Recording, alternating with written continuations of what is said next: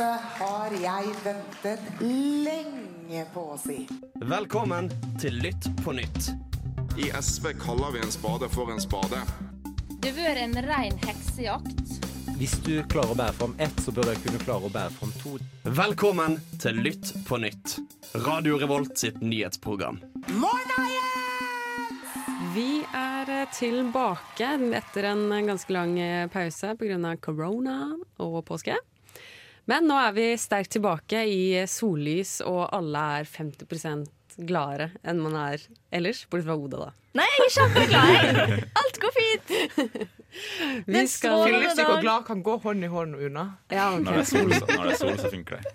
Ja, Selv har jeg blitt solbrent, og vil gjerne si det på radio. Bare sånn alle vet at jeg ble Hvordan ble du solbrent. Håkon? Sol ble solbrent. Nei, Nei, det, det går fint. Det bare, jeg vil bare si at jeg er solbrent på radio. Det var det eneste som var liksom det viktigste. Så kan vi snakke om nyheter og sånn etter hvert. Jeg skulle bare si det. Jeg er litt stolt, skjønner du. Det er et år siden sist, liksom. men jeg syns det ser ut som du egentlig blitt litt brun nå. I går så du brent ut, men nå ser du egentlig det kommer til å bli brun. rødt blir til brunt. Ja, mm, Men du får kanskje hudkreft. Ja, med på kjøpet. Lever bare én gang! Ja, men det er sol, da. Ja. Og Litt på nytt er tilbake. Da er det jo bare å være glad, da. Det er jo bare å Stemmer det. Eh, vi kan tyse om at vi skal snakke om eh, Arbeiderpartiet sitt eh, landsmøte, som er eh, nå i helgen. Vi skal snakke litt om klima. Snakke litt om corona. De vanlige tingene. ja, ja. Det- Det går Klassikerne. det. Det blir dritspennende. Vi har masse nyheter. Vi har ikke vært på, på to uker, så vi har jo masse snacks vi kan by på til. Jeg eh, kjenner til- Det er det- nesten tre uker med snacks vi har samlet opp, eller? Ja, det blir nesten det. Altså, det blir fort overtenning i dag. Eh, Det blir nok det. Og det blir i hvert fall det med den låta vi skal høre nå. Vi starter showet med 'Pule det i ræva' med Viking Death Trap. Siste nytt, siste nytt. Du hører på Litt på nytt. Vi starter selvfølgelig sendingen med å snakke om eh, landsmøtet til Arbeiderpartiet, som har vært nå i helga. Det har vært et spennende landsmøte. Ja, har det ikke det, da? Jeg tror alle har blitt veldig sjokkert over hva de har gjort. For først, det største skandalen, da, er jo at de sa nei til rusreformen.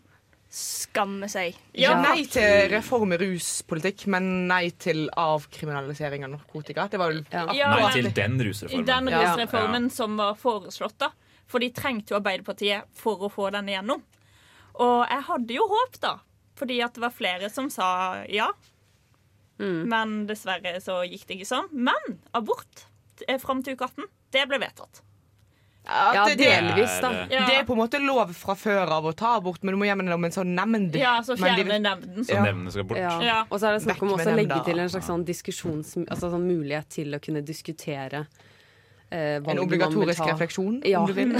Ja, rett og slett. Eh, før man eventuelt eh, tar det valget, da. Eh, så det er jo litt eh, spennende. Skulle, hadde ikke trodd det, at eh, Nei, Arbeiderpartiet skulle vedta det, men ikke rusreform. Det syns jeg Ja, virker men- veldig rart. Men når uh, the, the man himself, Jonas Gahr Støre, går The ut man, the myth, the legend. Jonas Gahr Støre går ut og sier sjøl at han er sånn uh, Nei, jeg vil ikke stemme for uh, avkriminalisering og rusreformen.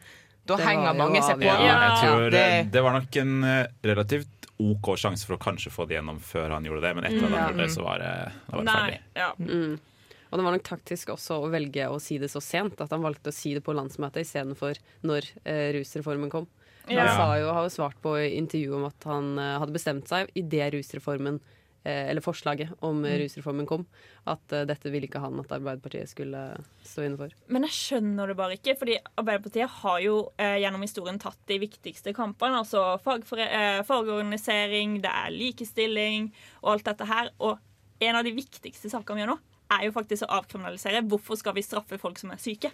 Ja, for det de vil er at de vil eh, lage sin egen eh, eller en annen rusreform hvor det ikke er kriminelt for de som er tungt eh, rusavhengig.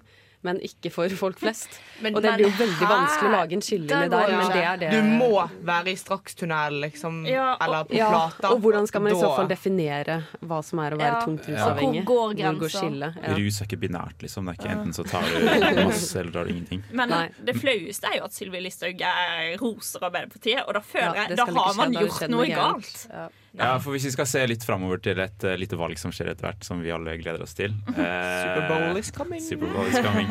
Uh, hva slags Er dette du sa i stad at eh, dette er det viktigste reformen som har kommet til Norge på veldig lenge? Tror vi folket der ute tenker det samme, eller tror vi at dette er bare noen sånn Jeg syns Kommer det her til å jernbanereformen fra 2016 var tippe- jævlig viktig, da. Kommer det til å tippe SP-velgerne tilbake til Ap, f.eks.? Hva tenker man, Ja. hva er reaksjonene for velgerbasen der ute? Bryr de seg om rusreformen, eller er det bare en sånn venstre-liberal greie som, eh, som akademikerne bryr seg om? Ja, Det spørs om det er en avgjørende sak altså for Ja. at man bytter Mm. parti. Det tror jeg kanskje ikke. I hvert fall ikke velgere som tilhører Arbeiderpartiet og SV. Men jeg tror at det er veldig mange som Ja, jeg tror ikke det er avgjørende, men jeg tror det kan påvirke folk som for eksempel da enten var veldig for denne avkriminaliseringen, eller de som er litt sånn mer konservative og er litt sånn Men eh, faktisk så ble det eh, flere utmeldinger etter dette kom ut, så det har påvirka folk i Arbeiderpartiet. Ja. Eh, og jeg har også sett litt på kommentarfelter, som bare sjekker ok, alle kommer til å rose. Og det er ekstremt mange som kritiserer Arbeiderpartiet mer enn de roser de på kommentarfelt om at de ikke støtter dette her. Ja, for det er jo eh, De som stemte for eh, rusreformen, var jo stort sett eh, eh, folk eh, som hadde stemmerett fra byene. Ja, For både Raymond Johansen og eh, Marte Mjøs Persen, som er ordfører i Bergen, har vært ute og sagt at vi er veldig for dette. Mens folk fra bygda, de har Hey, eh, Agder Arbeiderparti stemte for. Ja, og AF også var vel egentlig veldig for uh, dette her. Eh, som, det er jo vi sier litt om det forholdet man har til rus kanskje på bygda kontra Ja, det er liksom det jeg tenker. Ja, er det du har en annen forståelse, på en måte. Ja. Uh, Hvis du har vokst opp med folk som Et setter skudd på. Youngstorget, så har du et annet inntrykk av den uh, på bygda, hvor det kanskje er litt mer skjult. Ja. Ja. Ikke så in your face som det er i Oslo. Eller Kan det være. Og så spørsmålet er nå eh, Handler det òg litt om Senterpartiet og at de ønsker å komme i re regjering? For vi vet alle hvordan Vedum eh, føler om denne her reformen. Det kan jo hende, men da ville jeg jo tenkt at den abort eh, det ab- Ja. abortvedtaket Ja, det er jo ikke så taktisk det spesielt. heller, da. Nei. Nei. Og det er jo Men da vil de altså kjenne SV-velgerne på abortgreiene, og kjenne Ja. SV-velgerne på Men, rusreformgreiene. være Det det er, en, uansett. eh, det er en dissens i Senterpartiet som er for dette her med å fjerne abortnemnder. Så det er Mm. faktisk mm. Det er jo litt taktisk. Ja, det, det er kanskje det. Det blir spennende å se hvilken eh, effekt det har på valget framover. Vi skal høre på Snake Eyes med Silk Toad. Ja da, ja. Mitt navn er Martin Lepperød. Du hører på Lytt på nytt! Ja, du har sikkert eh, fått opp en Instagram-konto som heter AO eh, Norge de siste par ukene. Eh, og det er jo arkitektopprøret som nå har, eller arkitekturopprøret som har kommet eh, til Norge, inspirert av Sverige. Eh, målet for eh, disse aktivistene er å eh, få vekk moderne arkitektur eh, og dyrke mer klassisk arkitektur. Ja, er det det som er målet? Men det er ikke målet Ja, er vise målet å- at eh, noe av den moderne arkitekturen er litt stygg? Ja, er det ikke det? Ja, eller målet er vel å, å, at vi skal begynne å bygge mer klassisk, Ja. klassiske bygg, og ikke Ja. rive klassiske bygg som eksisterer. Da. For de har den greia hvor de liksom har sånn, nesten som før- og etterbilde, hvor de har et veldig flott eh, bygg fra 1900, tidlig 1900-tallet, og så tar de et sånn hardt Ja, det er bygg, på betongbygg. Ja, men det var det som skjedde Ja. på sånn 70-80-tallet. Det var bare masse betongbygg Ja, som var ja. Og- overalt. Jeg har et litt liten høne å plukke, si. Som man jo sa på 90-tallet. Eh, fordi jeg er veldig for Fordi dette er en sånn vanskelig greie. Ønsker de egentlig å skape debatt, eller ønsker de å peke på ting og si 'det er stygt', 'det her syns jeg er finere'? Det Og hvis, det det de er det, de, hvis det er det de gjør, så mener jeg at det er jo bare deres mening, og noe som ikke de kan på en måte Ja, det er mange som er enig med dem, men det skaper Mm. jo ikke noe debatt om hvordan måte, et bybilde skal se ut. Hvis man tenker sånn Å ja, det var finere på 1920-tallet, alt bør se ut som 1920-tallet. Hvis det er det de prøver, så, så er det en håpløs ting å komme med, og veldig lite produktivt for byutviklingen i Norge, tenker jeg. Mm. Ja, ja, for jeg syns det er liksom veldig fint at man får den diskusjonen om klassisk arkitektur og generelt hvordan vil vi at byene våre skal se ut. Men jeg syns det er innmari polariserende, det hele det, den aktivismen de bruker. At de peker på så mange eh, moderne bygg som veldig mange syns er fine, da. Som, eh, men i kontrast med sånn flott, klassisk arkitektur, eh, Ja. så ser jo på en måte alt litt sånn tamt Og ut. de byggene er jo ofte ikke satt noe i kontekst. Dette er sånn Nei. veldig lett fordøyelig Instagram-aktivisme. ikke sant? Som bare er, du ser Det og så ser det jo Det ser jo ille ut når du ser de bildene. Så ser du å, det var mye finere på den tida. Og det kan man jo være de fleste være enig i, selv om det da blir en, eh, din mening. på det. Men det handler jo om at du må se hele bybildet i kontekst av det bygget i tillegg. da. Og du må liksom kunne kanskje gå litt dypere. Og det er jo en del arkitekturprofessorer som har sagt det du sier der, Rune, at eh, debatten ønskes veldig velkommen. At man må Mm. snakke om hvorfor er det bygd dritstygt på store deler av Oslo-området uten noe som skjer på bakkeplan, hvor det bare er 15 etasjers blokker. Mm. Hvorfor er det bygd i 2020, liksom? Mm. Eh, Mm. og det er en debatt som trengs å tas. Men det vil ikke være sånn at all arkitektur fra 1920-tallet er megafint heller, hvis du snur tilbake og ser på det. Mm. Så, så debatten bra. Instagram lettfordøyelig aktivisme. Tommel ned fra min side. Nei, men en burde vel kanskje heller ha et fokus liksom på For det er jo deler av debatten som eh, Altså, jeg tenker ofte sånn Hvem er det som kan bestemme hva som er fint, og hva som er stygt? Ja, for Altså, det, er litt- de viser veldig mye til forskning som eh, de Eller ja, forskning som viser at folk liker best klassisk arkitektur. Eh, og det er jo også litt kritikkverdig at de på en måte trekker fram det som en slags sånn sannhet. Men Mm. folk vil bare ha klassisk arkitektur. Ja vel, og det stemmer jo ikke. Det er nyanser i det. Ja. Eh, og så er det noe med ja, Man må ta andre ting inn i beregningen, da. Altså hvor eh, bærekraftig det er. Eh, stort sett er jo klassiske bygg svære leiligheter til da de rikere i Mm. samfunnet. Skal vi da bare lage bygg som er store, og som bare de rikere i samfunnet har råd til? Altså Det er liksom så mange flere nyanser da, som ikke kommer fram i den måten de driver aktivisme Ja, på. for eller det er på en måte bare de. Dette er stygt, dette er fint. Og så Ja. stopper en på en måte der. Men et aspekt er jo da kanskje at vi skal bevare byggene våre, og ikke bygge flere sånne der, eh, apropos stygge bygg, da. Men Mm. å faktisk prøve å bevare eller gjøre sånn at de eh, holder seg sånn de gjør. Ja, og det er også veldig viktig. Ja. Mm. Og så trekker de vel også fram mye sånn Obos-bygg som eh, bygges for at det skal komme opp fort, og for at det skal ha plass til veldig mange folk. Eh, Mm. og at de gjerne ikke tar hensyn til verken utseende eller hvor bærekraftig det er sånn miljømessig heller. Da. Så det er jo gode poenger de trekker fram også. Mm. Eh, men litt unyansert eh, debatt, kan man jo si. Ja. Enig. Ikke like det hvis du ser det. men følg, følg med på debatten, det er interessant. Følg litt på 90 Ja. ok. Vi skal høre på låta 'A Man's Man' med Rickard Swift. Swift. Jeg elsker kommunereform, og derfor hører jeg på Lytt på nytt. Vi skal til Aftenposten, og vi skal til et sideinnlegg. Ja, eh, Daniel Lie eh, han har eh, kommet ut og snakka om noe som har eh, fått veldig mye fokus i det siste, og det er Asian hate. Og det går egentlig ut på eh, hvordan eh, folk med asiatisk bakgrunn blir diskriminert. Og her tar han opp at han har omtrent hele livet sitt i Norge fått ulike eh, rasistiske kommentarer som han på en måte ikke har sagt noe på, og ikke helt skjønt som liten, da. Når de sang eh, Han nevnte at de sang Tre små kinesere, den superrasistiske sangen, på barneskolen. Og alle drev og stirra og lo på han, og han skjønte ikke helt hvorfor. Men nå har han kommet fram og sagt dette her er ikke greit, nå vil jeg faktisk ta denne kampen opp fordi at det er ikke kult, liksom. Uh, og det er flere som har uttalt seg, bl.a. Fredrik Solvangen, som har vært sånn Fått mer fokus på alt dette her. Mm. Ja, for noe av det han trekker fram i det innlegget sitt, er vel det at eh, mye av rasisme mot asiatiske, og kanskje spesielt i guttemiljøer, blir kamuflert som humor, altså som Mm. kødd. Ja, men det er jo veldig Eh, typisk òg. Altså, jeg tenker for eksempel, eh, jeg tror en del samer i Norge òg opplever diskriminering, men så er det skjult som humor. Så, og da tror jeg òg at det blir vanskeligere å si fra om det òg. Mm. Fordi at ja, nei, nei, nei, de bare de, Vi kødder jo bare med deg. Mm. Eh, og så blir det sånn Nei, jeg, du blir jo faktisk diskriminert, men en kan på en måte ikke sette fingeren på det så tydelig. Mm. Ja, og så tror jeg kanskje at det er litt sånn Nå er ikke jeg gutt, så jeg vet ikke hvordan det er for 14 år gamle gutter, men jeg tipper at de, de gjengene ofte kan være litt sånn hardere på sånn Å, det er bare kødd, vi har bare litt mørk humor og Det tror jeg stemmer, det tror jeg stemmer tåle- godt. ja. Ja. Det tror jeg stemmer veldig godt. Eller at på en måte eneste måten å jeg si, overleve i det, men på en måte eh, ha en bra plass sosialt, er at man blir litt med på den køddinga. Og da Mm. blir man litt eh, Man blir litt med selv på I hvert fall har jeg opplevd det i, i miljøer jeg har vært i. At man ender opp med å nesten være rasistisk mot seg selv. At man på en måte selv tar initiativ til å kødde med det. For da, da får man veldig en sånn tydelig rolle i gruppa. Og alle syns du er sykt kul og er så lættis at du har selv selvironi på hvor du kommer fra. Mm. Eh, og at det òg kan være en sånn skadelig effekt det kan ha eh, av at man bruker mye hu humor i eh, Og ikke minst at da tenker man at det her er greit. For du vet liksom den derre Å nei, jeg har en svart venn, og han sier at man kan bruke N-ordet.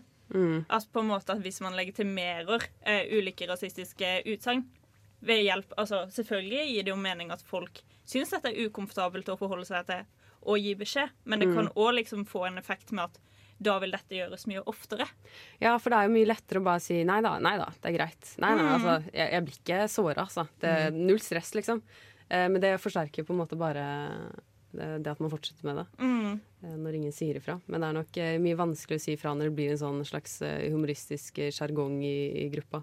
Ja, og så er det jo utrolig aktuelt med tanke på at de har jo eh, Under koronapandemien så har jo eh, folk med asiatisk bakgrunn blitt så trakassert og banka opp. Og eh, hva var det i USA for jeg tror en uke siden, så var det en som nesten holdt på å dø fordi hun var Mm. asiater. Hun var ikke det, hun bare ligna på en. Så Ja. det er utrolig mye. Ja. Men nei, det er bra at det blir gjort et slags eh, oppgjør, i hvert fall snakkes mer om nå enn det har blitt gjort eh, tidligere. Vi skal høre på låta 'The Beginning' med Andy Scott. Oh, wow, Dubai ble mye bedre med Lytt på nytt på øret. Vi skal snakke om eh, vern av marine, hav, marine havområder. Hav. Mm. Sjøen.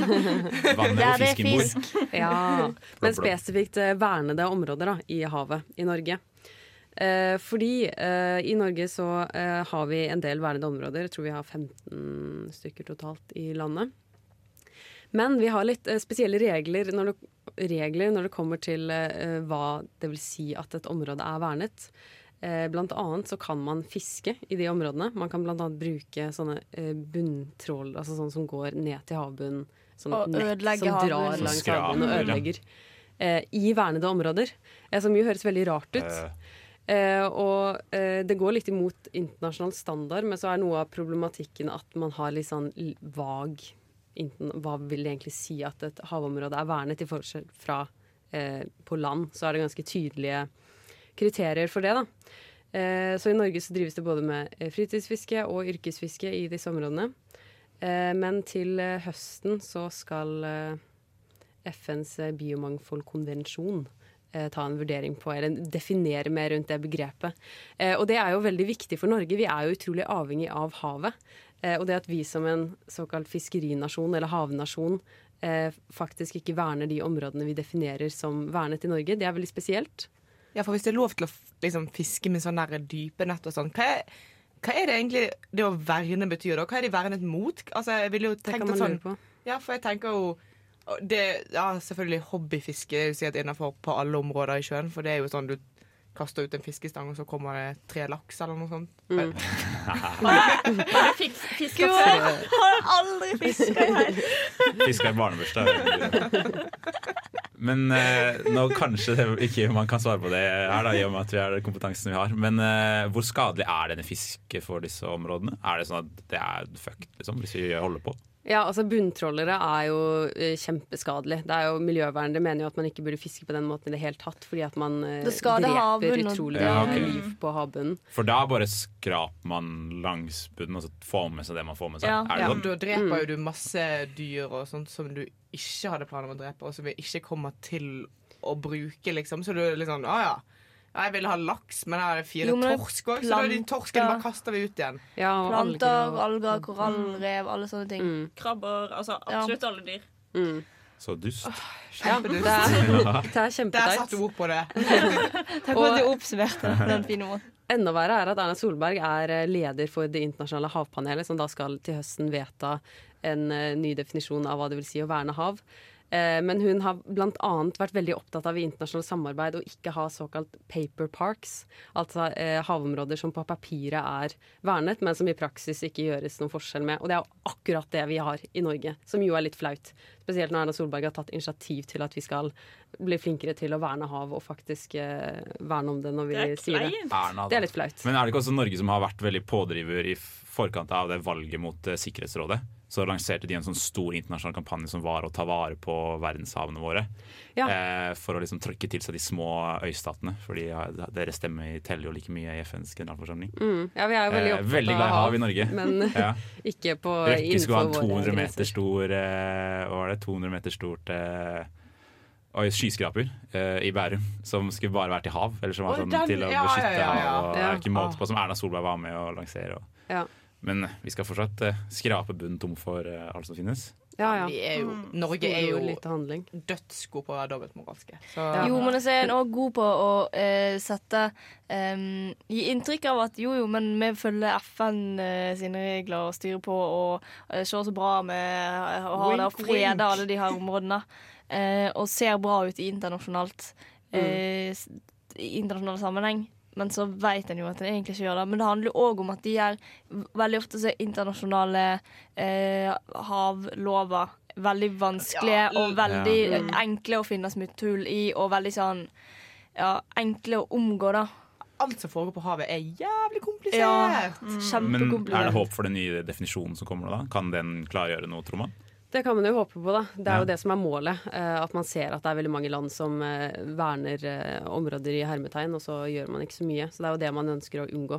Så forhåpentligvis kan det En slags felles standard på hva verning egentlig betyr? mm. Mm. Men vi burde jo også ha en nasjonal standard og nasjonale regler på det innad i Norge. Jeg tenker jo at vi burde være strengere enn mange andre land, for vi har veldig mye unikt dyreliv som vi er avhengig av i havet. Men ja, vi får se. vi skal høre på låta 'Boy from Michigan' med John Grant.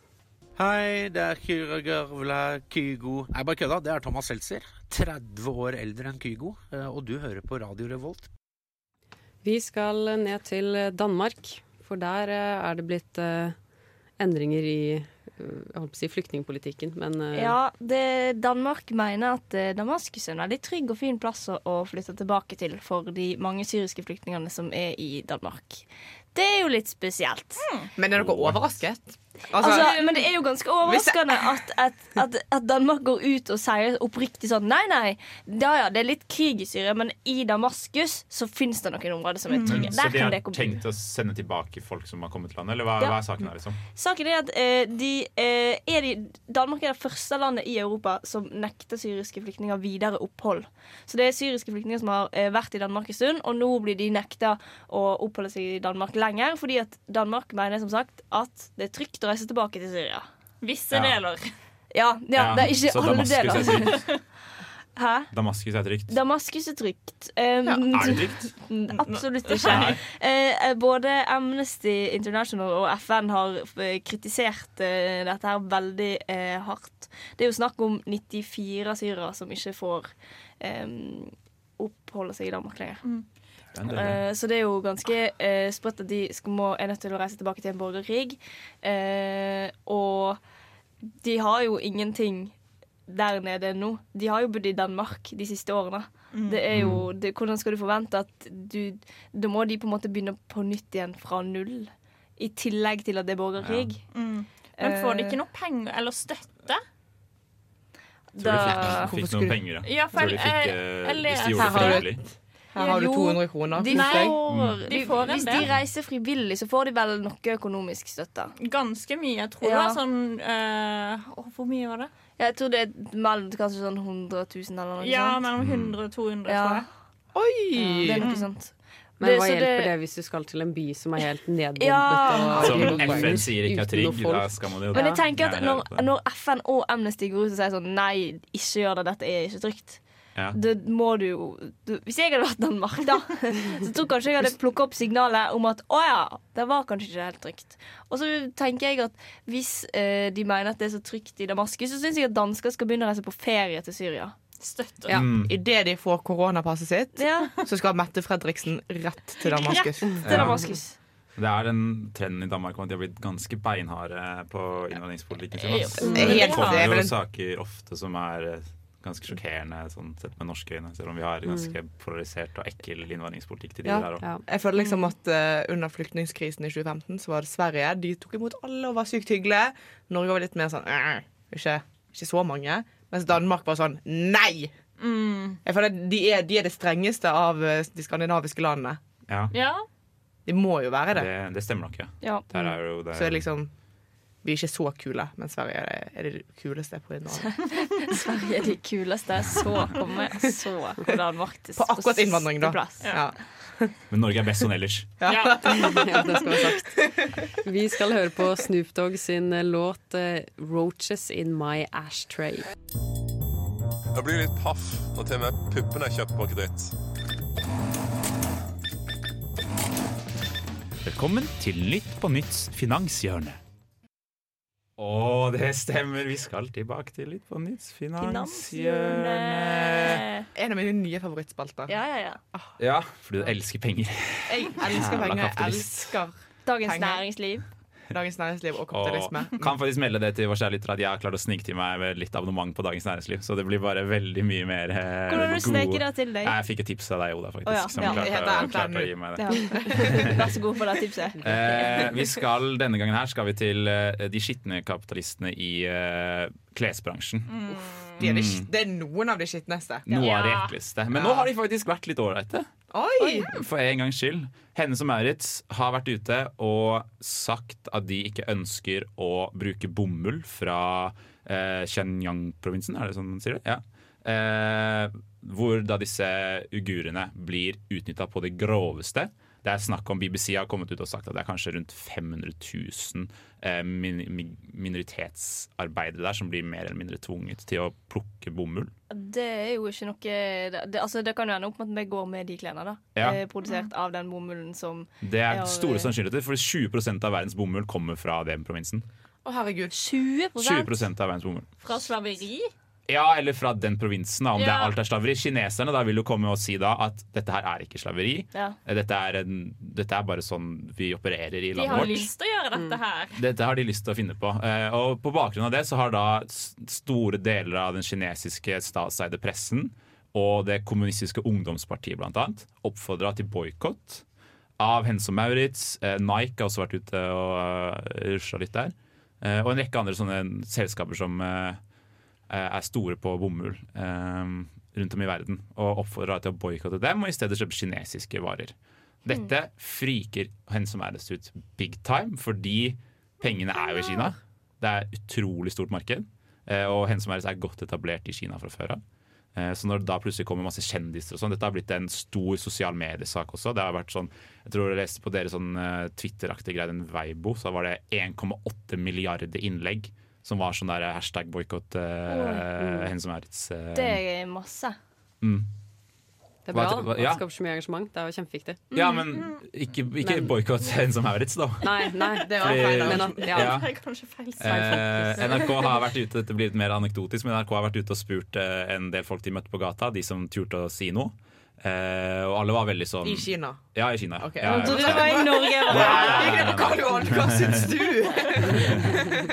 Nei, og de som turte å si noe, de sa jo at uh, dette var de veldig for. Uh, og det er jo en veldig sånn kjent greie at kinesiske staten har blitt veldig gode på å mobilisere den slags nasjonalistiske følelsen i den kinesiske befolkningen til eh, imot Vesten veldig ofte. da. Litt sånn som russerne gjør, med at de hele tida er sånn veldig sånn at vi er Russland, og da skal faen meg ikke du komme her og, og kødde med oss. Jo, sant? at de klarer å mobilisere Ja. befolkningen til å liksom påvirke markedskreftene. Det er jo interessant. Og Ja. de har såpass makt. De har, eh, og det har man kanskje ikke helt trodd før, da, at de klarer Nei. å ta det store grepet, men det tyder på at de Nei, for nå har du alltid tenkt sånn Ja, ja, men Kina er litt autoritært, men de har jo, de har jo en fri økonomi, på en måte. Ja. Uh, eller befolkningen. ja. Akkurat men, økonomien lar de gå som de, Mm, som de på en måte kan, men, Men nei. er det sånn det er at uh, Hennes og Merits kommer til å snu, eller De har nå gått ut og vært vesentlig mindre krass i retorikken sin, ja. Mm. De har sagt at Kina er et utrolig viktig marked som vi ikke vil gjøre noe med. Eh, eller ikke liksom vi ikke, hva skal man Plager si, de. plager de. Mm. Ja.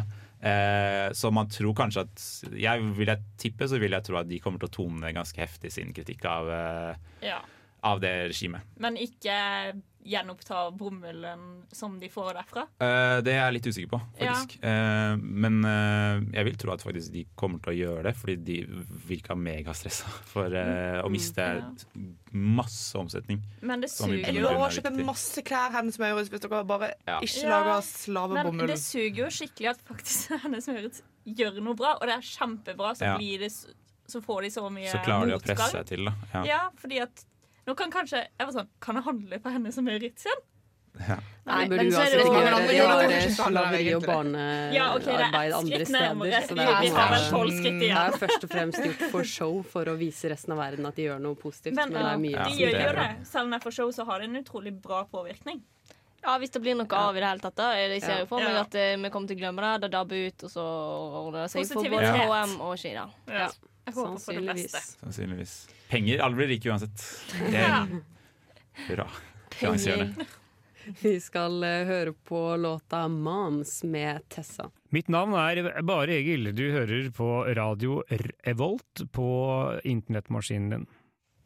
Rett etter eh, påske så kom, eh, la regjeringen fram en gjenåpningsplan. Var det før påske? Det var den 7. det var- april, Mm. så ja, okay, du får uh, gjette på Det om var- det april? Nei, midt Det var i påsken. påsken. Ja. I påsken, ja. Ja, jeg, Anyways, i hvert fall det har kommet en gjenåpningsplan på hvordan vi skal åpne Norge. vi er allerede midt inni den! Vi er i steg én fordi Gøy! fordi regjeringen lå eh, 7. april fram en gjenåpningsplan med fire eh, trinn som vi skal eh, gjennomgå for å, for å liksom åpne Norge. Jeg liker Og vi kan- konseptet. Ja, vi kan gå ett eh, Nå er vi i trinn igjen. Eh, men hvis smitten øker, så sier Bent Høie vi kan gå tilbake et trinn. Vi kan gå fram et trinn. Alt handler om smittesituasjon og sykdomsbyrde.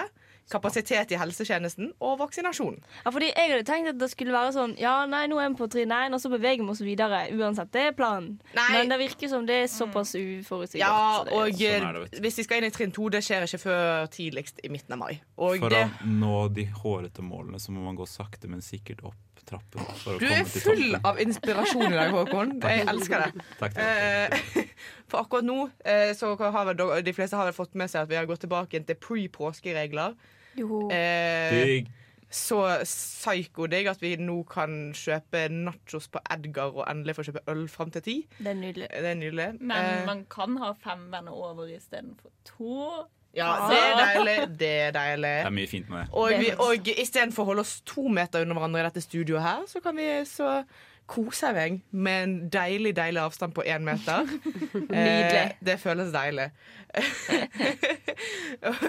Før vi da går inn i liksom ja, dette, det, viktigste, det viktigste ifølge NRK i dette trinnet var jo skjenking, som åpnes igjen. Ja, men jeg skjønner ikke hvorfor det skal ha så sykt mye fokus. Mm, Hvor mange her har benyttet seg av eh, muligheten til å ta seg en øl med maten de siste to dagene? Jeg. Jeg. Ja. Ikke jeg. Det var tydeligvis det, det har vel noe med at uh, de, bransjen har så stor profittmargin på eh, øl, sånn at de Mm. tjener gode penger på at det er, det er egentlig en av de få tingene de faktisk tjener ordentlig Mm, penger på. Ja. Mm. Uh, Og de og det trekker, også, det trekker også folk til Mm. Hvis du var på Solsiden på lørdag, så var det få som satt uten uh, utepils der. Liksom.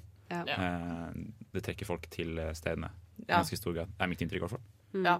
Eh, men det, mange reagerte på at hun ikke hadde Det var liksom ingen datoer inkludert. Og det var liksom sånn Å, herregud, denne her planen er så sykt det, det Er det en plan i det hele tatt? Ja, for da blir jeg litt sånn Hvor dumme er vi, folkens? Ja. Vi vet jo Vi kan ikke eh, datostemple når vi kan åpne samfunnet. Vi kan ikke datostemple når smitten kommer til å være eh, Altså, det har vi merket gjennom Ja. over et år nå. Det er de som har Kan booka liksom- tur til Dubai i august. Ja. De var sånn Du, jeg skal dra da. Da skal De jeg som åpent. booka tur til Dubai, driter fint i korona. Ja. Hvis de eh, Ja, det er jo for så vidt finnes mange andre problemer med å dra til Dubai. skulle du si det, Men hva, hva er neste trinn, eller ja, Mer som vi kan fysisk undervisning til elever. Bra. Ti gjester i hjemmet. Wow ikke så mange venner engang, men det er bra. Mer òg. Ja, herregud, ti eh, gjester i hjemmet. Det er litt for mange, Da får jeg makset Da får jeg makset vennene mine, tror jeg. Da kan, da kan man ikke ha den dype samtalen med alle som er der. ikke sant? Det kan man jo når man er fem. Ja. Men uh, du blir fortsatt rådet til å ikke dra til utlandet og bla, bla, bla. bla. Ja, men- Så det er Ok, litt så sånn den kan sannsynligvis komme til 17. mai, da? Ja. At vi kommer inn det trinnet før 17. mai? Oi, det er jo veldig nice. Hvis, hvis Hvis smittesituasjonen holder Ja, seg sånn som den er, og bla, bla, bla, bla. Men det virker jo sånn, da, med antall eh, smitta. Ja, nå har vi bare hatt eh, lettelser i tre dager, så jeg tenker vi ikke skal Vi er litt sånn- litt is i magen. Altså, det har nå vært positivt, folkens. For det er jo nasjonale Dette Nei, er nasjonale. Ja, Det har kanskje ikke så stor påvirkning at det er ille i Oslo, for de, Nei, for de har, har vel fortsatt, uansett eh, egne ja. regler. Ja. Ja. Bortsett fra at vi sympatiserer med dem. ganske Ja, selvfølgelig. selvfølgelig Vi tenker på dere. Oslo-folk. Eh, Vi, vi gjør det. Ja. Eh, og trinn tre, da begynner de å vurdere sånne koronasertifikat og sånne ting. Som vi får sist. Vaksine, vaksinelappen. Ja, men får vi det sist? Nå har det vært noen Korona, litt rumling. Ja, for det Du er har tatt òg en del. oppkjøring, du har vært igjennom korona. Nå har du kunnskap nok til å leve Ja, ja, ja. utenfor. Men eh, fordi det har jo vært mye snakk om sånn Skal vi gjøre litt om på denne vaksinestrategien, eller? Når vi har kommet til liksom 45, at vi da skal switche om og ikke ta 45 først, men heller ta 18 først. Fordi, Please. fordi det er jo mest smitte blant unge voksne. Det er jo ikke masse smitte på Skyt meg i 45-åringene. armen, da! Vær så Gi meg hva som helst. Helst Pfizer, men jeg tar imot Sputnik òg, liksom. Det. Jeg tar Sputnik any day over ingenting. Og Paracet, eller? Ja. ta Jeg, tar. Paracet. Det er Pfizer, det òg. Jeg tar Paracet Ja, mot korona. det. De har redda mange en student. Ok, da har vi fått litt innføring i, i den nye gjenåpningsplanen. Vi skal høre på eh, Annie sin låt 'Same Old'.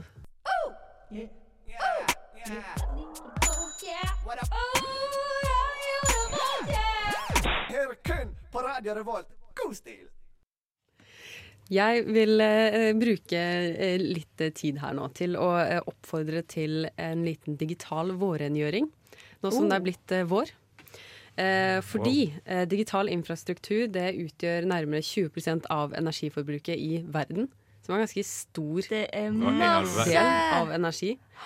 Eh, ja, vær så god. Ja, takk, jeg rekker opp hånda for lytterne der ute. Eh, hva er digital infrastruktur? Hva betyr det? Nei, sant. Det er jo litt vanskelig å forstå hva det betyr. Det betyr Ja. egentlig eh, servere. Store Ja, servere ikke som sant. står Nettopp. eh, Det er de rundt. som gjør det mulig at jeg kan lagre bildene mine i en sky.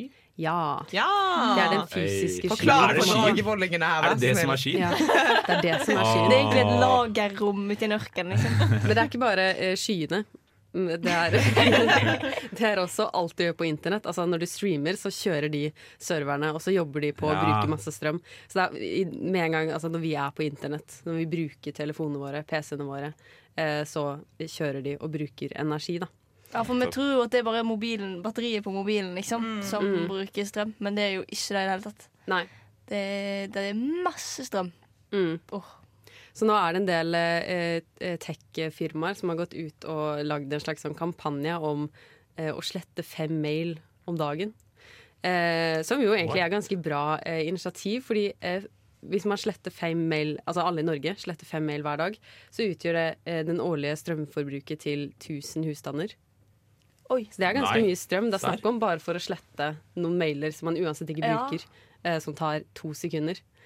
Eh, Ja. Så det er liksom eh, veldig er lavterskel tiltak vi kan gjøre for å redusere eh, det generelle Jo. strømforbruket ganske mye. Eh, og så for eksempel så går det an å Hvis du last, Hvis det er for eksempel et album på Spotify da som du hører veldig masse på, uh, istedenfor å streame da, så må du laste det ned, Fordi at da eh, bruker det mindre strøm. Men jeg forstår ikke hva det betyr. Betyr det at jeg må kjøpe albumet og laste det ned på telefonen? Nei, nei, du Nei, trykker på download-knappen. Det betyr at du ikke bruker nett når du Å ja. Du bruker min altså, Altså, jeg synes at det, Sånne teknologiting, det blir for Jeg forstår ikke hva Akkurat det den, er jo mulig å skjønne. da. Trykker last ned. Jo, men jeg trodde Når jeg var inne på Spotify, så var det streaming uansett.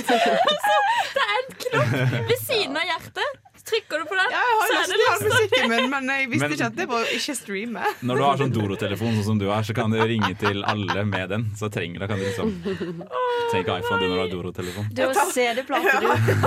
Ja, så ser det tilkobling til mobilen. Ja, for sånn bare som, på eh, Bluetooth. For her er det jo litt nyanser. Det er jo veldig mange sånn teknolo teknologibruk som reduserer klimagassutslipp. F.eks. Eh, det at vi kan ha digitale møter, så slipper vi å reise. Eh, og at vi eh, sender mail istedenfor å sende brev, for eksempel, som også trenger transport. Men der er musikk, streaming av musikk det er en av de som har eh, Altså at vi har fått mer klimagassutslipp av at det er blitt digitalisert. Men det er fordi at vi da streamer mer, vi hører mer på musikk. Eller vi hører Ja. mer på Mm. forskjellig musikk da enn hvis vi hadde kjøpt. CD-er og platespiller. Mm. Så hører vi mer på mindre musikk Ja. da, totalt sett. Ikke bare Hits for Kids 14. eh, Så. Nei, Åh. Det var nydelig.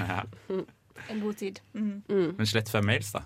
Ja, Det skal jeg fordi- Det skal rydde greit. Ja, det her Mm. er litt flaut, for jeg sjekka bare, og jeg har eh, 128 mail uåpna.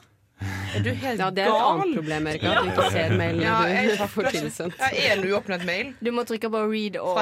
Mark all as well read. Ja, eller bare slette alle, egentlig. Ja, så jeg anbefaler alle å ta en liten sånn vårrengjøring. Slette e-poster man ikke bruker. masse Um, tiltak. Nei, Det er tiltak å redde verden, Ola. Ja, men det, som kjent så har jo jeg gitt opp å redde verden. Ja, det er en utrolig dårlig strategi, Oda. Du kan da kommer ingen vei. men ikke Tenk ha om du skal begynne å stemme på Senterpartiet og Frp. da. Nei, så Ja. gal er ikke den da, men um, jeg vet ikke. Jeg, skal slett, jeg kommer jo til å slette meg, liksom. Jeg kommer jo til å gjøre det. Men, men Men så skal du handle, skal du handle kjøtt og så kjøre rundt i Hummer isteden. Ja. Skamme seg. Kjøpe en entrecôte på veien hjem. Ja, ja, ja. Fish, fish, fish. Eller En svær biff skal jeg kjøpe på vei. Ja, det anbefaler jeg ikke. Men eh, ja, det er mitt, okay. eh, mitt store tips og oppfordring eh, ut i resten av livet. Eh, vi skal høre på L'Impertrice med låta Emma Tom.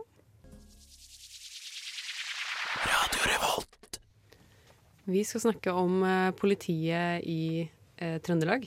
Yes, Politiet i Trondheim har jo fått eh, de siste dagene et, eh, en konklusjon fra Diskrimineringsnemnda eh, om at de har eh, diskriminert en 30 år gammel mann eh, fordi han har blitt eh, kontrollert, altså stoppa av politiet, ti ganger på fem år. Og det er ikke normalt at det skjer så ekstremt ofte. Um, og det er jo diskriminering fordi dette er en mann han, er, han har en annen etnisitet enn norsk. eh, og eh, eh, har kommet til Norge eh, som barn. Vokst opp i Trondheim. eh, og så i mellom 2015 og 2020 så har han blitt stoppa ti ganger. Det er ganske sykt. Mm. jeg skal ha hatt lappen i snart fem år. Eh, ikke blitt stoppet ti ganger. Nei. Ja, for det er på bil, bilen han har blitt Nei, det, Nei, det, er jo, det er jo bare ah. på, bare på gata og eh, På gaten? ja. Der har jeg aldri blitt stoppet. Følger. Det Det, er er jo ikke normalt å bli stoppa på gata. Nei. Og eh, politimesteren erkjenner at de har gjort en feil, står det her. Det er bra. Eh, men det er jo ganske sjukt at, at den samme mannen blir stoppa om igjen og om igjen og om igjen. Det er nesten Altså- imponerende at de har klart å finne ham Ja. så mange ganger. Og kjenner han igjen alle Ja. ganger. Altså, det er liksom Ja, men De har nok ikke sett Å ja, det er han vi stoppet sist òg. Og Da, da- tar vi han igjen. Ja, det, er nok Det var han som det ikke var noe problem med sist. Kanskje det er et problem det er Ja. nå. Ja. Det for det var vel det som ble sagt. Det var ikke intensjonell diskriminering. Det var bare at For da hadde, det var ikke sånn at politifolka snakka sammen og så bestemte sånn. seg for å gå for han. Det var bare at han ble eh, targeta flere ganger Mm. på grunn av sin synlighet. Av Men- uavhengige og forskjellige politifolk. Ja, fordi Eller- politimesteren sier at det er ingen som, som skal kontrolleres og bli stoppa av politiet på bakgrunn av sin etnisitet. Men det virker jo som om politiet i Trondheim Mm. gjør det. Mm. Og Ja. nå har de jo blitt dømt for Ja. å Eller de vurderer å eh, han, eh, han som har blitt stoppa eh, Jeg syns å huske at han er advokat, eh, og så vurderer han om han eh, vil ta saken videre til retten. Mm. Um, så det Gjør blir jo spennende. Gjør det. Ja, gjør det. Det er viktig Men- å vise at det Ja, for ikke jeg er tenker Dette er ikke en unik sak. Eh, Nei, jeg har nei, snakket nei, med mange som også opplever å ha blitt stoppet oftere er enn eh, sine etnisk Ja. norske venner. Og jeg Eh, tror det er jo noe spesielt med Trondheim òg. Jeg har fått inntrykk av det. Ja. Eh, apropos det, har dere hørt om rasisme i Norge-kontoen? Mm. Ja. Det, ja. Ah. Ja, det er to. Dessverre. Det er to. Det er det med understrek og det med punktum. Det med understrek er litt mer profesjonell. Jeg er litt kritisk Ja, til sånne ting. Ja, og det kan man eh, være. Men det var en som sendte inn en opplevelse eh, med at hun eh, var i Drammen, tror jeg, og hadde kommet ut av biblioteket. Og så var de, eh, lette de etter noen, da. Eh, og så var det på bussholdeplassen, og de skulle snakke med folk. Og den første de gikk til, det var hun med en annen etnisitet. Som gikk forbi alle som de kunne ha spurt. Mm, ja, og da tenker jeg det er så viktig at man anmelder det, og at man gir det oppmerksomhet. Eh, for dette er nok noe som er tilfellet mange steder i landet, vil jeg tro. Mange som har sånne opplevelser. Eh, men man, blir, altså, man, man er nok litt ubevisst over det. Men hvis Ja, ja. man får Nå får jo politidistriktet i Trøndelag litt mer bevissthet rundt at dette eh, skjer innad hos oss. Da må vi jobbe mot det. Det tenker jeg er kjempeviktig. Og, s- og så er det litt skummelt med tanke på at uh, i Trondheim Vi er jo det jeg tror en av de eneste som faktisk har hatt police brutality. Eh, ja. det, Ja. Ikke i i Norge at det Ja, er liksom I Norge tror jeg det. Mm. At han døde, liksom. Ja. Som er sier at vi må fikse dette i Trondheim. Det er jo ikke noe som har skjedd akkurat nå. Nei, er det sånn en, Jeg syns det er vanskelig å liksom skulle eh, tenke at å nei, det politiet i Norge er onde og vil eh, Altså, det er jo Det er ikke Politiet i. Norge, de gjør jo bare det de Ja. Ja, og jeg tror ikke det bare er i politiet at man opplever sånne saker. Det skjer nok eh, i mange andre ja, På tvers av hele samfunnet. Ja, det er jo det er mer en samfunnsmessig Mm. Ja. problem der, ja. Vi skal eh, gå over på låt. Vi skal høre på låta John L. med Black Midi. Hva har fire bein om dagen og seks bein om natta? Jeg vet ikke, men uh, hør på Radio Revolt. Ja, det stemmer det. Vi er på Radio Revolt. Vi måtte kutte skolissa si der. Da tok over, jeg. Hoppa inn. Ja. Det, det si takk, da. Si takk, da. Takk. Ja, vær så god. Bare hyggelig. Bare snill. Så snill er jeg. Eh, nå, damer, skal vi til eh, Nord-Irland. Der det rører seg meget om dagen. Mm. Eh, Du feirer, Oda? Hvorfor fiskbumper Ola? Oda? Nei, jeg synes det er veldig interessant. Det er en utrolig interessant eh, konflikt, eh, som alle konflikter. Dypt tragisk, selvfølgelig. Eh, men eh, veldig sånn eh, Veldig. Utrolig lang historie. Veldig mye vold, som Er det interessant? Ja, glising. Nå er det bare ro som bare rakker her. OK, ok, Ja. ok Men jeg har sett Har dere sett eh, den Netflix-serien Dairy Girls? Jeg, Ja. jeg tenker bare på den! Det er faktisk den beste Jeg klarer Det er jo en veldig koselig aksent, for det første. Ja, og så er de sånn Det er så bare på hva? Ja, ja, Og så.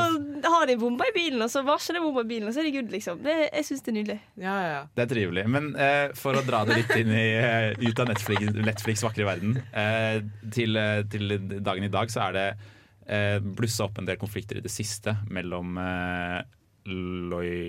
Oi. Ja. Lojalister? Nei, hva? Jo. jo.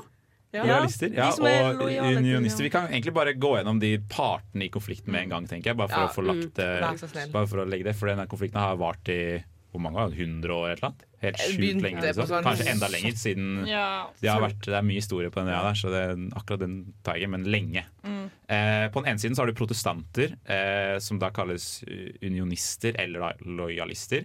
De ønsker veldig gjerne eh, at eh, unionen skal fortsette. De skal Mm. være med i eh, Storbritannia. Og hvilken Er det protestant eller katolikk? Det er protestant. Ja. Mm. Eh, katolikker på den annen side eh, kalles nasjonalister eller republikanere, og de da eh, vil være en, med Irland. En union med Irland, gjerne.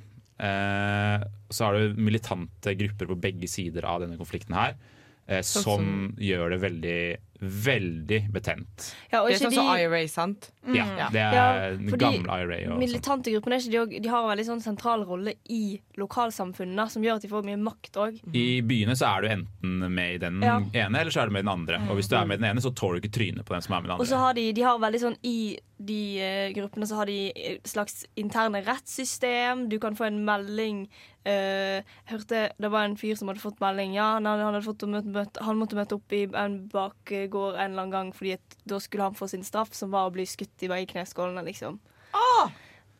Jeg er ikke overraska engang. damn, damn, damn, damn. Men Ja. eh, nå, grunnen til at det nå har blussa opp en konflikt, det var jo en veldig kjent avtale på Good Friday, langfredag blir det kanskje, Mhm. eh, med, mellom, som Tony Blair var med å framforhandle. Det var liksom hans start i eh, New Labour Movement. Det blir en annen, eh, annen prat. Eh, og den avtalen har fungert veldig bra. Helt fram til en liten folkeavstemning i 2015 i Storbritannia, som vi helt kaller brexit. Er det mulig? For eh, nå har det da blitt etablert, etter at eh, Storbritannia gikk ut, har det blitt etablert en slags provisorisk grense eh, mellom Nord-Irland og resten av fastlands England og, og Skottland. Eh, og dette her liker ikke de i Nord-Irland, kan jeg avsløre. Mm. Jeg syns det er helt sykt at ingen at, Eller vi har jo snakket om dette her i flere år, at dette kunne potensielt bli et problem. Fordi selv om Absolutt. det har vært eh, fred mellom gruppene i Nord-Irland, så har det fortsatt vært betent. Men det er ikke Ja. At det var ingen som tenkte over Eller liksom faktisk løste problemet. For mange som gikk og tenkte på Å, hvis vi setter opp en grense der, kan det være noen som blir lei seg. Nei, men Ja. det, det, de har eh, sagt dette her direkte til Boris Johnson. Dette kommer til å skje hvis du fortsetter her med brexit. Han ble advart på alle fronter. Absolutt. Og det er Ja, derfor ikke en av hovedgrunnene til at en avtale ikke er på plass tidligere enn det det var, da, eh, var jo pga. Nord-Irland-problemet. At det var utrolig vanskelig å kunne skape en slags eh, grense der. Mm. Ja. Nei, hva skal man si? Nei, det er jo eh, Det ble, altså, brexit ja, som bare, bare- ødelegger. Fuck om alt! Nei, det er ikke brexit, det er Boris Johnson. Det er òg noe 50% av britene, da. Det, Nord- Nord-Irland var for øvrig stemte imot brexit, kan jeg si, som også ikke hjelper på det her i det hele tatt. Nei. Eh, det Det er lager jo bare enda dårligere stemning. ja, de var, ganske, de var 54 Dumme stemte. Ja. Og problemet vårt er jo Nei, uff. Det er så ille. Det er krise. Krise, krise, krise. Boris, rydd opp, da. Det klarer du. Tror du det?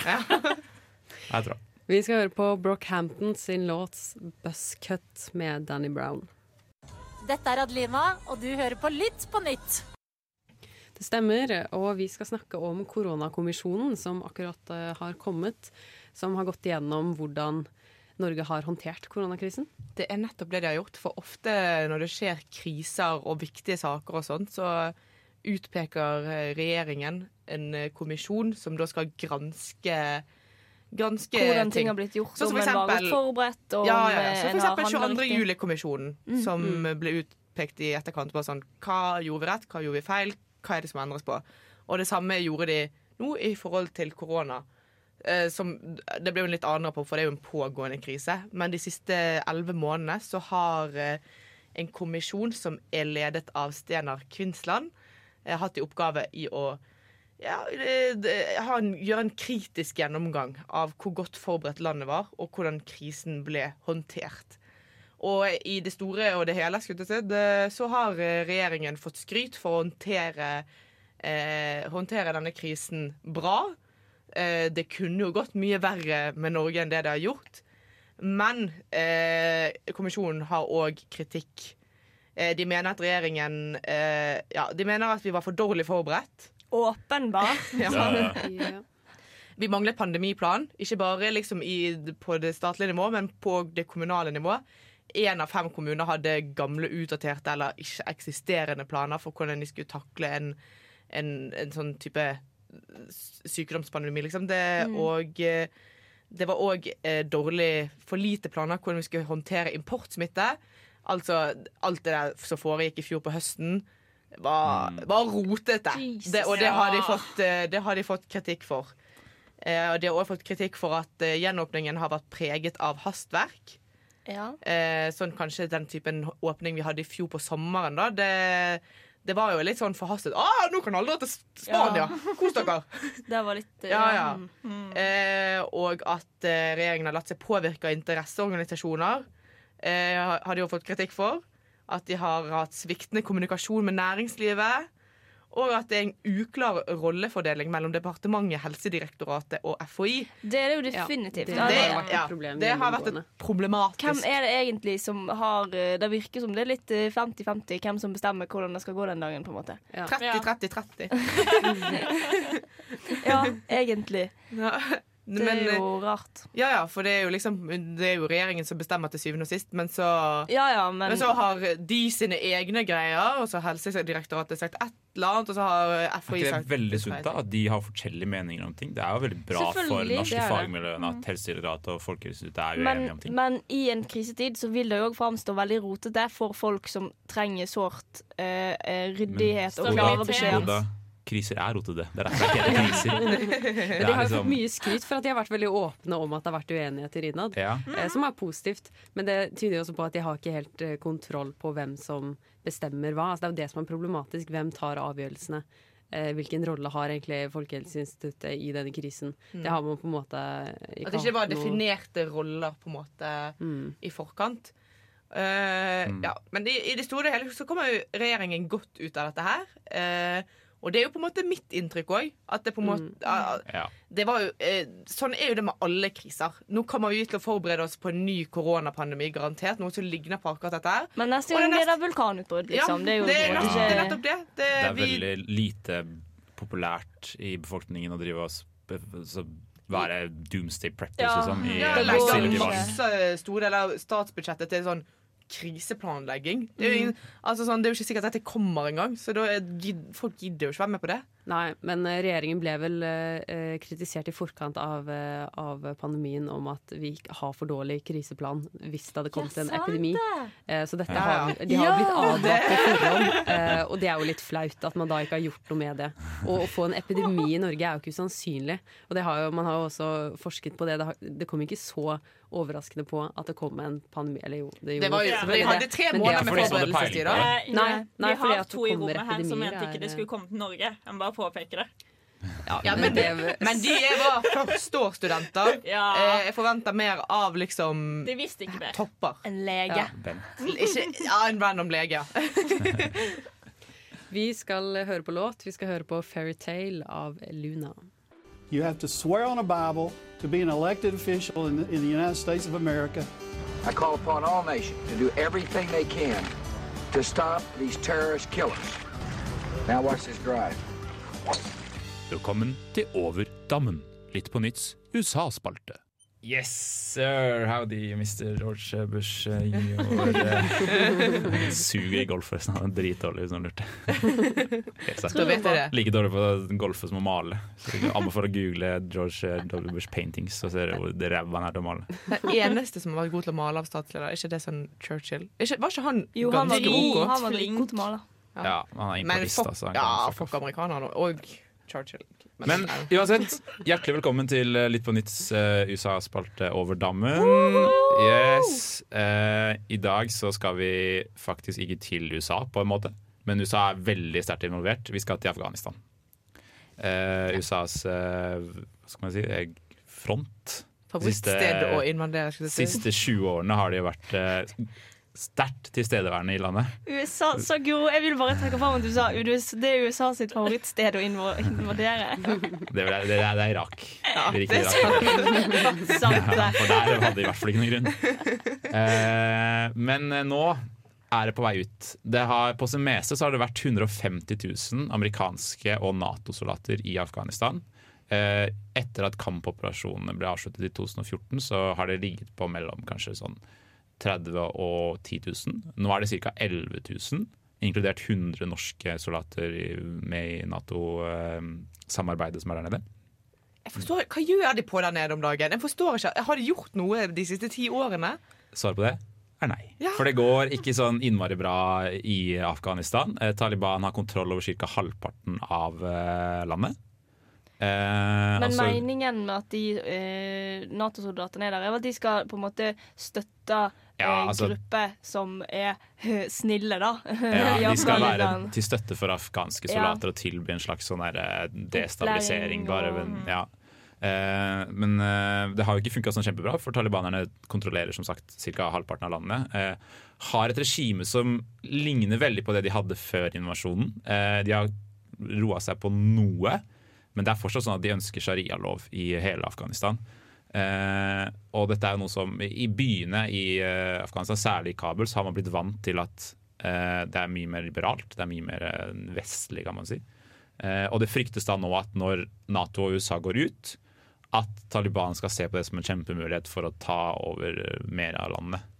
Det, det gir jo mening, fordi at det, Det blir et slags lite vakt, maktvakuum, og så bare Mm. sjopp, kommer de inn som den mest naturlige til å Absolutt. ta over. på en måte. Absolutt. Og eh, em, The Economist var på lederplass eh, for noen dager siden og sa at eh, men USA er jo til stede i så utrolig mange av sine alliertes eh, militære operasjoner. Altså De er i Sør-Korea for eksempel, fortsatt, selv om det har vært eh, Selv om det ikke var på 50-tallet den krigen var, liksom. Eh, hvorfor skal de trekke seg helt ut av Afghanistan på dette tidspunktet, når det egentlig er en sett med amerikanske militære øyne veldig få veldig få soldater nede? Eh, kan ikke heller da være der og bidra til at den situasjonen blir stabil? For nå satser alle på en slags eh, fredsavtale som er på vei til å bli forhandla mellom Taliban og afghanske myndigheter, som mest sannsynlig vil innebære at Taliban får ganske stor kontroll over ganske store deler av Afghanistan. Eh, som jo kanskje ikke er akkurat det man ønsker, eller? Nei. Nei. Det er kanskje ikke ideelt. Nei. Hmm. Men samtidig så er det en krig som sett, har satt dype spor i eh, Amerikas eh, politikk. Og, Ja. eh, Og, og i det siste så føler jeg at de har på en måte starta en samtale eh, litt om eh, hvorfor, hva er vår rolle i de og de landene. Og da Ja. jo egentlig allerede med Donald Trump innimellom. Ja, for det var liksom- han som Ja, for- signerte en avtale med Taliban Ja. om å da trekke seg ut innen 1. mai. Eh, så flytta nå de datoen til Han 11. trakk Han september. seg helt ut av eh, Ikke helt ut av Han drev og trakk ut tropper overalt, han òg. Mm. Det Ja. Så det tyder på at de har en litt mer innoverretta politikk. Ikke så mye America ekspansjon som, Og det er jo på en måte nødvendig. Ja. Ja, ja, Så lenge det er stabilt i området, så er det absolutt nødvendig. Det, Ja. det vil jeg tørre å påstå. Yes, vi skal høre på låta 'Take Down' fra albumet 'Sønn' med Frekdal. Kan ingenting, vet ingenting. Skam De deg! bryr seg ikke om folk i det hele tatt. Bare Nå må du ta deg en svær konspirasjonsbolle Fy faen, her er det klassisk vannmelon. Grønn utenpå, rød inni. Og stråmennene dine kan du ta med deg bak loven. Nå er det duket for kommentarfeltkonkurransen. Det stemmer, ja. Eh, Og det er konkurransen der eh, en av oss, i dag så er det Guro, eh, skal lese opp noen kommentarer fra et kommentarfelt. Og så skal vi gjette hvilken sak de tilhører. I dag har jeg vært på et uh, veldig nytt, uh, nytt sted i denne spalten. Jeg har Nytt vært på nytt medie. ja, jeg, har jeg har gått fra Facebook til Twitter. Instagram. Å, det er gøy. Tinder hadde vært jævlig fett. Ja. Jævlig fett. Hvilke av mine matcher Det hadde vært gøy. Men ok, Så du gikk på Instagram? Jeg gikk på Instagram, jeg. Skal jeg bare starte? Skal jeg oversette det til norsk, eller skal jeg prøve å snakke engelsk? Prøv å snakke engelsk. Prøv å snakke engelsk. engelsk, prøv å snakke engelsk. Får vi vite hvilken konto det er? Eller er det Nei, det er jo kjempeavslørende. Ok, Så det skal vi også gjette hvilken konto det er? No thanks. With a 99% survival rate, I shall pass. With Bill Gates involved, I will not get one. Skummel mann, han Bill Gates. Bare slenge på And why, And no og nope. Not putting that in my body. No, put Ja, det er vaksinegreier, da. Potetgull, tipper jeg. Ja. Handler om potetgull. Men det er jo vaksinemotstandere da vi skal til. Ja. Åpenbart. Ja, på en måte. Um, hell no! Quit telling perfectly healthy people to get to take this so-called vaccine i hermetegn. Jeg må spørre, Er det den uh, Wisdom is knowledge-kontoen min? Nei, på okay. ingen måte. Dette er faktisk et Vi skal til et ekte menneske. Oi! Et Eh, ekte menneske! Å nei! Uh, okay. det- altså- Er det noe Seneca Skal vi dit? Det- det- Johnson, kanskje? Det høres veldig amerikansk ut. Ja. Ja. De har jo stoppa, stoppa Johnson. Vil dere høre en annen litt morsom en? I got a colonoscopy today. You didn't see me posting about it. Ok, Så det er noen som poster det? Så noen kjente personer? Ja. Og Ja. det er en kjendis som har tatt vaksine. Ja, og så har de er? reklamert for det. Er det mm, Og det kan jo være hvem som helst. De får jo vaksine Hvor, eh, men hvem ville fått så mange Chrissy Teigen! Hun har jo ikke så mange antivaxer-følgere. Jeg vet ikke. Eh, Er det Bill Gates, liksom? det er, hvit, er, okay, er det en hvit person? det er en hvit person Som alltid, men ja. Ja, fordi Eh, da, da er, jeg føler med, det er mer med et litt, uh, litt New York-navn, litt østeuropeisk navn, litt Melania Trump. Men ja, Ah. nei, men vi, vi er inne på noe her. Trump Ivanka! Ivanka Ja. Det var seint at hun fikk vaksine. Altså. Ja, at, eh, ja men hun har vel eh, ventet på tur, da. I Miami, Florida. Det er der hun har tatt den. Eh, hun har tatt vaksinen, og så sier hun 'Today I got the shot. I hope that you do it too'. Thanks, Nurse Torres. Takk Yesterday til I broke down the entire American government. Today I take the vaccine shot. Men jeg, syns det, men jeg syns det er veldig fantastisk at hun eh, snakker om at hun har tatt den vaksinen. Eh, at Ja. hun på en måte prøver å oppfordre, fordi den gruppen som følger hun er også den Ja, gruppen som er tilbøyelig til å ikke ville ha den vaksinen. Det finnes jo, det finnes jo en del folk i, sånn, eh, eksperter sånn som har talt for at Donald Trump bør dra på en turné hvor han skal snakke om eh, at vaksinen er bra for deg. Ja. Ja, Eh, fordi ja, det det er de folka som han klarer å overbevise, som da Ja, det virkelig kommer ja, kommer til å si nei før noen For de ser jo blindt på enn Trump-familien sier, og da går de etter det. Ja, jeg, egentlig, ja, jeg syns det er veldig fint at hun eh, eh, Altså Det er selvfølgelig at hun burde ta den vaksinen, men at hun òg skjønner at hun har en plattform hvor hun burde spre, spre det glade ord. Spre det glade budskap. Veldig bra. Da vant det vel Oda for denne gang. Grattis. Vi skal høre på låta uh, On One med Joyce Rice.